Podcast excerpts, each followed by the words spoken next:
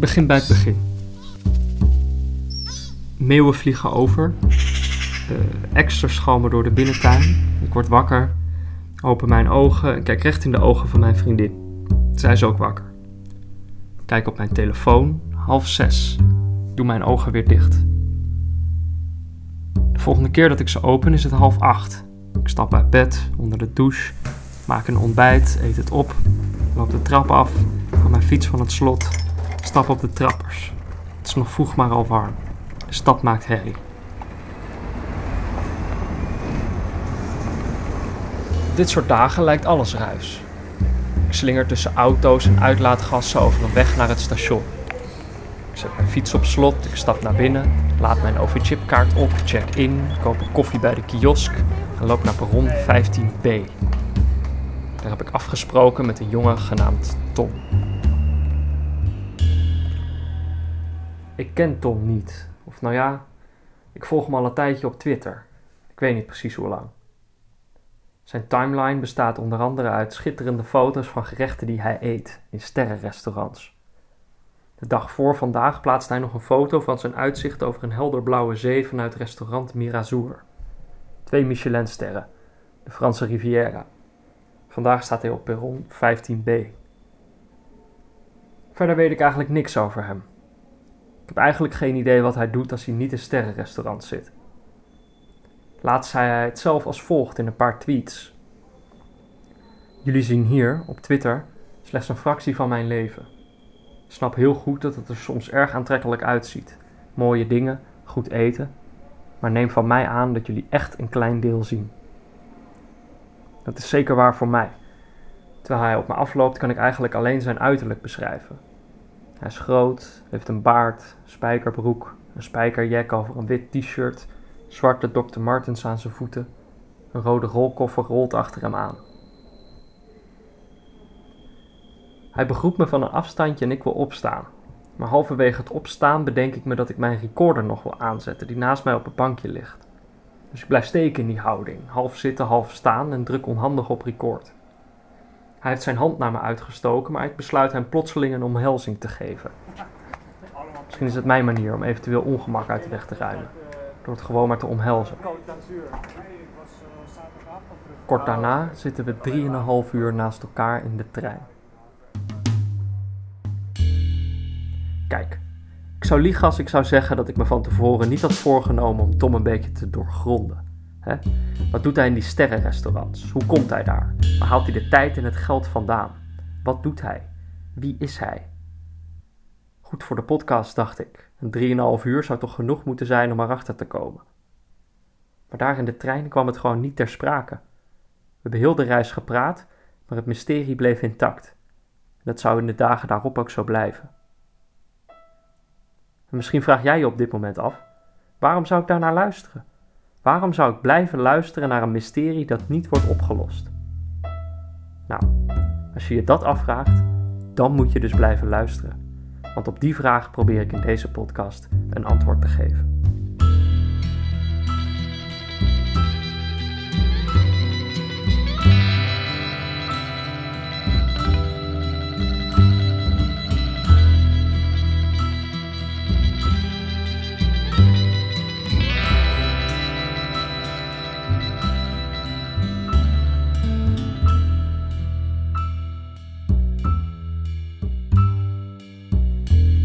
Misschien is het even goed om uit te leggen waar je eigenlijk naar luistert.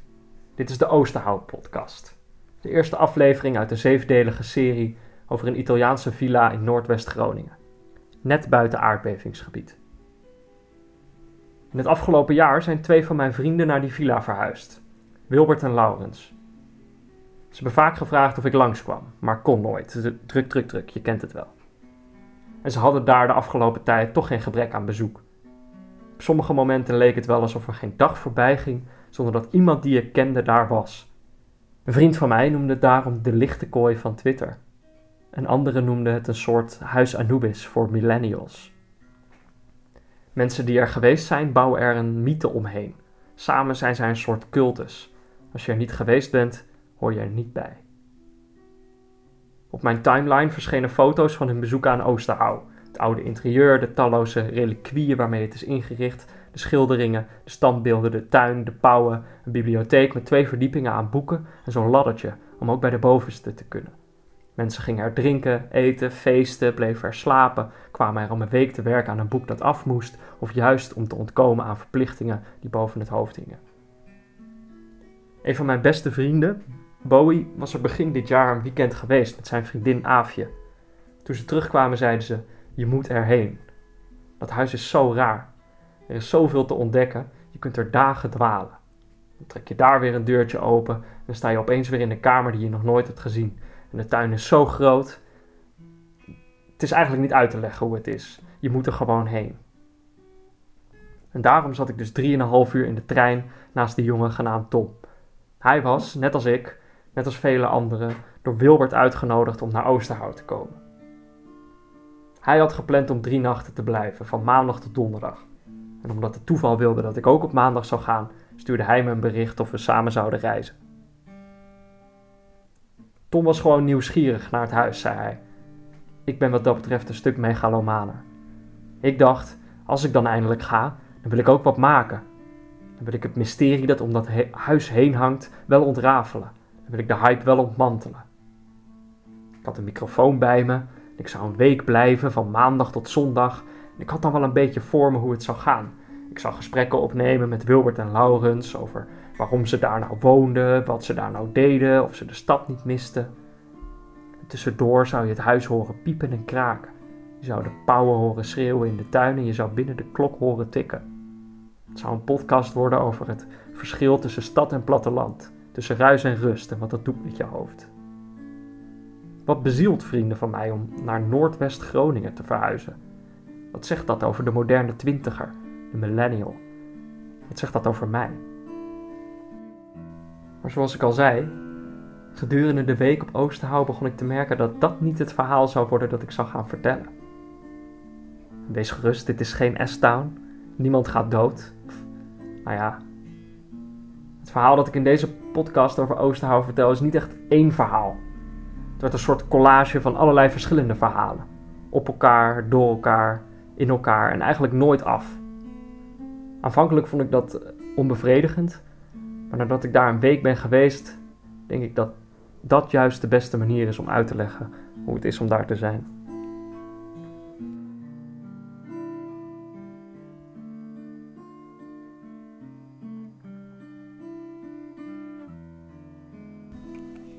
Als we aankomen bij het huis, moet ik ontzettend nodig naar de wc. Ik vraag Wilbert waar de wc is en hij legt het me uit. Maar als ik door de grote openstaande tuindeur het huis instap, ben ik eigenlijk onmiddellijk vergeten wat hij zei. Op de muren in de hal staan geschilderde geiten van Groningse realisten. Koeien, twee naakte mensen, een uil en ergens in een hoek verstopt een chimpansee. Aan de kroonluchters hangen kleine opgezette parkietjes. Een schilderijtje van Lucebert aan de muur. Portretten van oude mensen. Aan het einde van de gang, of ja, eigenlijk aan het begin, bij de voordeur, hangen drie beelden van dode kraaien ondersteboven aan touwen aan het plafond. Dit is simpelweg te veel, denk ik, als ik de wc eenmaal gevonden heb. Hoe ga ik ooit alles wat hier is vangen met één microfoontje? Ik zit op het toilet, houten bril, gietijzeren stortbak. En als ik het kon, had ik mezelf gewoon daar doorgespoeld. Als ik door het riool naar huis gezwommen. Dan mag geen podcast. Wat zou het jullie uitmaken?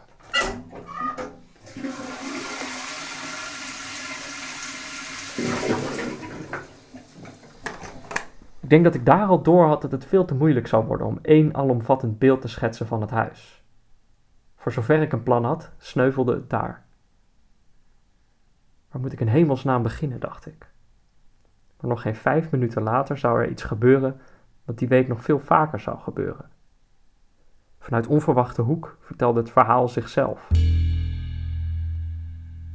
Terwijl Wilbert me uitlegt hoe het koffiezetapparaat werkt, let wel, een echte Mokka Master 5000, gaat plotseling de huistelefoon. Stad. Voor de rest, ehm De telefoon? geen idee wie me belt. Met Wilbert. Hallo, Hallo. Yeah, hello, ma'am. My name is Steve, and I am calling you from Microsoft about your computer, okay? Are you serious? I, I don't I don't have a Windows computer. Okay, you don't have a Windows computer. No. Okay, sir. Bye.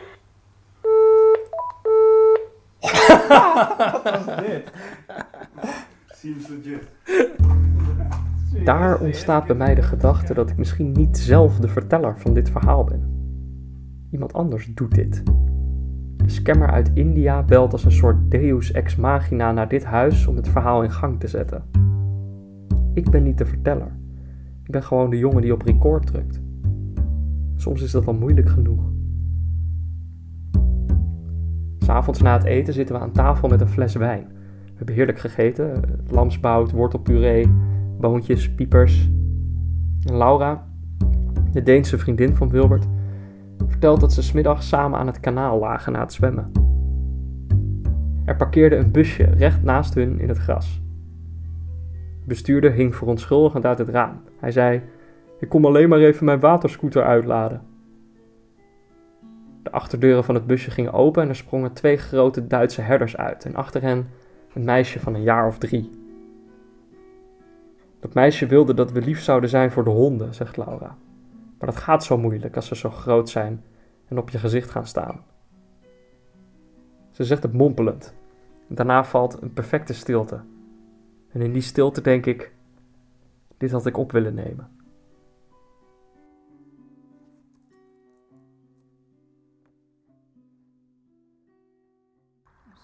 Heeft er iemand nog een leuk verhaal? Zet hij zijn dingen Nu staat hij aan.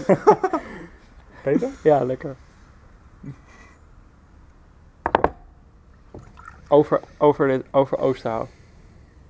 Verhaal Gewoon iets, wat, gewoon iets wat nu in je opkomt. Het hoeft geen lang verhaal te zijn. Het mag een kleine anekdote zijn. Kees er ook niet. Vertel maar. Nee, Hm? nee, jij moet vertellen, jij hebt het. eh, nee, dank je. Jij, Kees? jij hebt het meegemaakt. Het is, jouw, het is jouw anekdote. Oké. Nee, Klaas heeft een, Klaas heeft een accountant. Eh, of een, een vrouw en een soort van bulldog. En die bulldog die regelt van alles voor ze. En die vrouw die is echt eigenlijk de accountant. De bulldog is, is een mens. Dat is Kees. Kees heet hij. Oké. En eh, die gaan dan, eh, ze komen hier dan naartoe en dan gaan ze met de hand alle bonnetjes. Wilbert is een verhaal eh, aan het vertellen. Nee, dan gaan ze met de hand alle bonnetjes door. En ehm, toen eh, op een gegeven moment had ik Klaas ergens voor nodig of zo. En dan zitten ze zeg met z'n drieën in die kamer, staat de kachel heel hoog. En dan zitten ze met z'n drieën zo die bonnetjes te doen. En op een gegeven moment dacht ik, ik heb Klaas nodig. Dus ik ging zo naar die kamer deed die deur open. Toen zat die vrouw daar, ik weet ook helemaal niet hoe zij heet. Echt niemand. Ik, heb jij dat wel eens gehoord? Nou, maar in ieder geval, die vrouw die zat daar. Dus ik zei zo, ehm, ik zoek Klaas. En eh oké, is hier ook niet? Nou, ze zit waarschijnlijk te roken in de keuken, of niet? Ze zei, nee, nee, Kees rookt niet. En toen liep ik naar de keuken en toen deed ik die deur open. Het was echt zo helemaal blauw. En zaten Klaas en eh, Kees, daar was de twee eh, echt keihard sigaren te roken.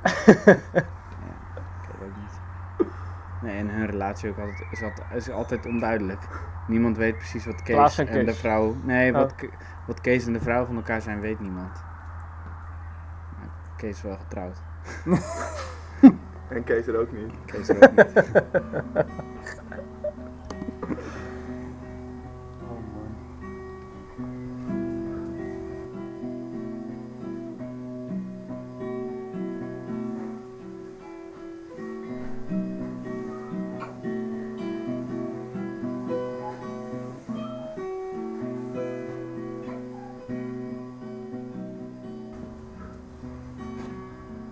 is heel grappig. Elke keer als zij komen, koopt Klaas ook precies hetzelfde eten. Roggebrood, een bruin brood, eh, leverworst of paté, een van beide. Krabsalade. Krabsalade, ja. Wel lekker. En dan eh, ja, een biologische karnemelk, boter.